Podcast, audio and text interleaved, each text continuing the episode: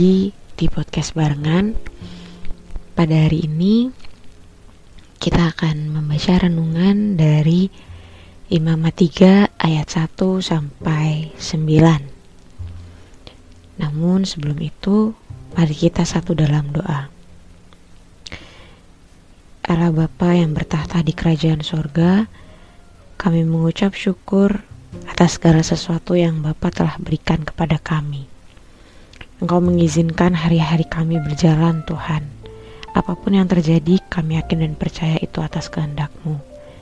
Dan pada hari ini, kami akan membaca firman-Mu, sertai dan lindungilah kami agar kami mampu membacanya dan memahaminya dengan baik.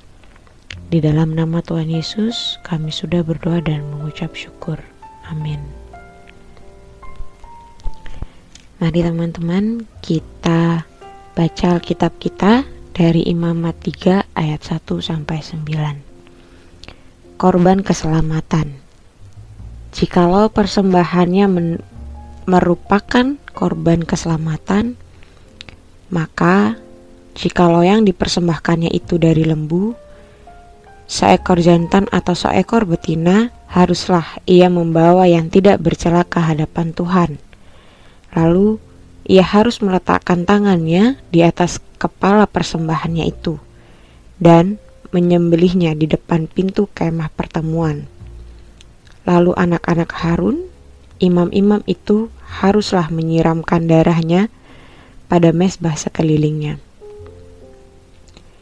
Kemudian dari korban keselamatan itu, ia harus mempersembahkan lemak yang menyelubungi isi perut dan Segala lemak yang melekat pada isi perut itu sebagai korban api-apian bagi Tuhan. Dan lagi kedua buah pinggang dan lemak yang melekat padanya, yang ada pada pinggang dan dan umbai hati yang harus dipisahkannya beserta buah pinggangnya itu. Anak-anak Harun harus membakarnya di atas mesbah, yakni di atas korban bakaran yang sedang dibakar di atas api sebagai korban api-apian yang baunya menyenangkan bagi Tuhan. Jikalau persembahannya untuk korban keselamatan bagi Tuhan adalah dari kambing domba, seekor jantan atau seekor betina, haruslah ia mempersembahkan yang tidak bercela. Jikalau ia mempersembahkannya seekor domba sebagai persembahannya, ia harus membawanya ke hadapan Tuhan. Lalu, ia harus meletakkan tangannya ke atas kepala persembahannya itu dan menyembelihnya di depan kemah pertemuan. Lalu anak-anak Harun harus menyiramkan darahnya pada mesbah sekelilingnya.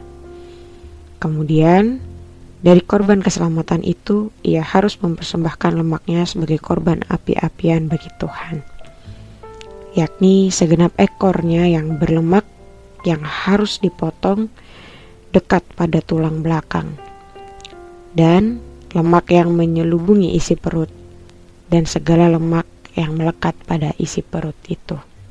Tema renungan kita pada hari ini adalah dahului dengan memohon berkat Tuhan dalam mengawali setiap kegiatan. Bismillah. Ya, Demikian yang sering kita dengar keluar dari mulut saudara-saudari kita, kaum Muslim, saat mereka hendak makan atau minum.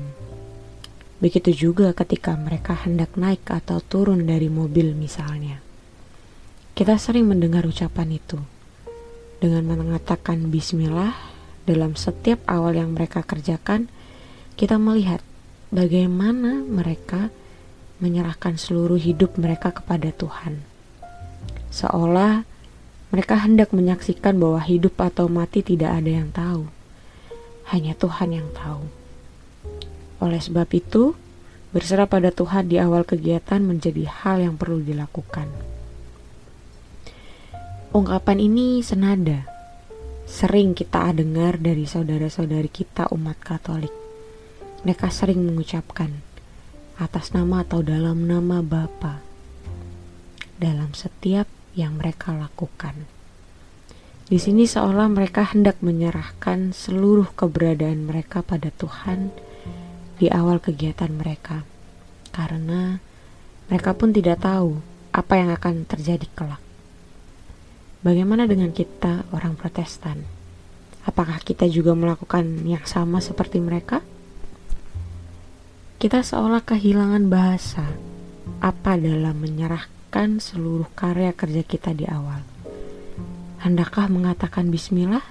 Tidak berani. Karena merasa itu milik Islam.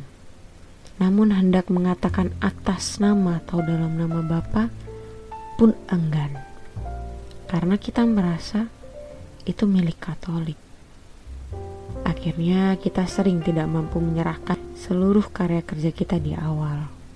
Kita merasa canggung berserah pada Tuhan karena kita merasa bahwa semua bahasa itu bukan milik kita.